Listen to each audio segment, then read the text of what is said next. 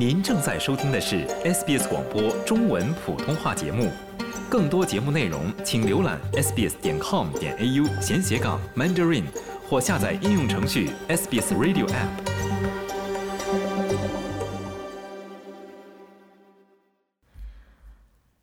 体育锻炼的诸多益处已广为人知，而一项新的研究揭示了儿童参与体育锻炼与提高学习成绩之间的关系。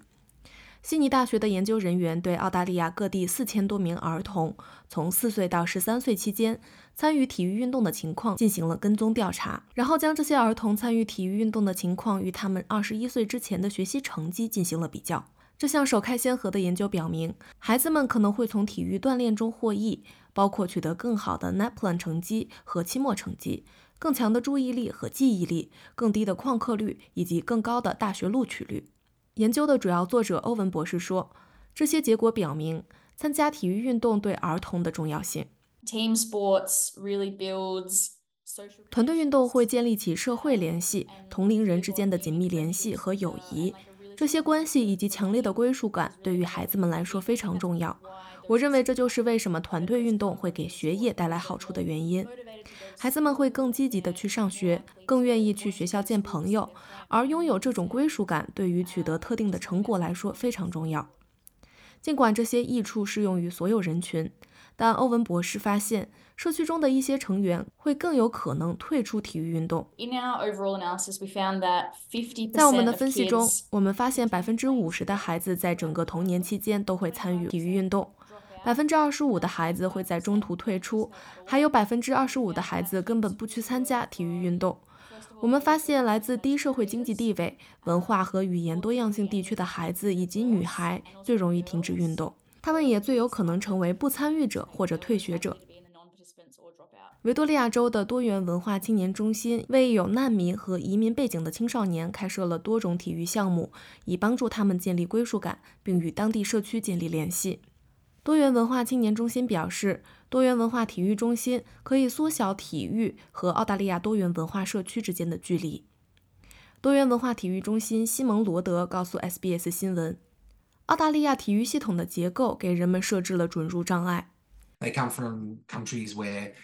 有些人是从体育并非主流的国家中来的，他们来到澳大利亚需要加入当地的俱乐部，还必须每周训练两个晚上，同时支付会员费。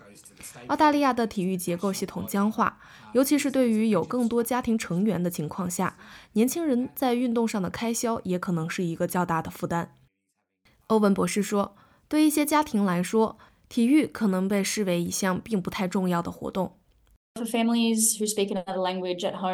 对于在家使用其他语言的家庭来说，体育可能并不是他们的优先事项，他们有很多其他的压力和事情需要关注。对他们而言，不太会考虑让孩子参与运动，而且运动在他们的文化中可能并不重要。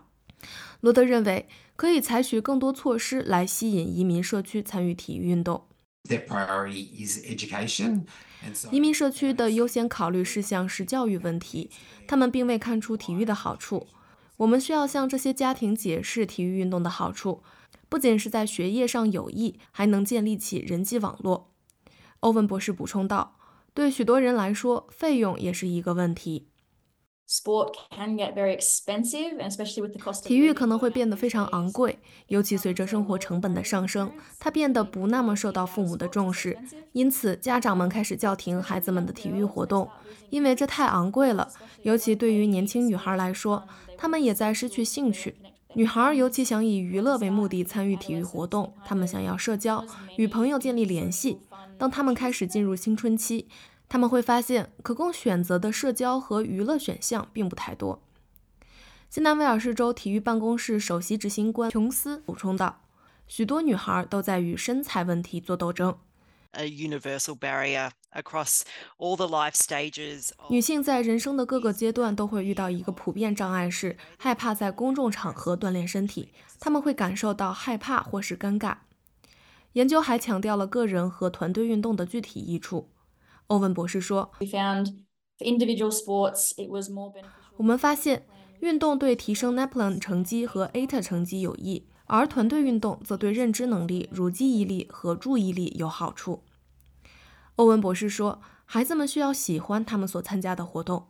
There definitely are more benefits to teams. 团队运动肯定是多有益处的，但我认为运动必须是孩子们自己所喜欢的。这项研究希望能够调整教育环境，以促进体育参与度，从而改善儿童的心理健康和学业成就。琼斯说：“我们需要确保女孩能够与男孩一样获得相同的机会。It's not just about participation. 这不仅仅是参与的问题，而是要确保我们拥有适合女孩参与的设施。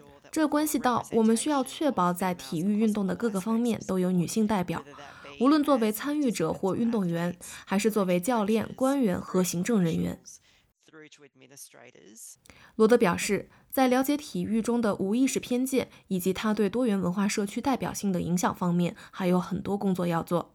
We need to reflect our community better and 我们需要更好地反映我们的社区，意识到当你在创造安全的文化环境时，其中很多都与你所在的体育俱乐部的形象有关。欧文博士说。为了保持身体健康，运动也不可或缺。Schools making it more of a priority. 学校应该认识到体育运动的重要性，并对孩子们的运动情况给予更多重视。同时，我也认为家长们也必须重视起来，孩子们必须要有家长的支持和鼓励。想听到更多这样的故事吗？您可以通过苹果播客、谷歌播客、Spotify。或者您喜爱的方式下载收听。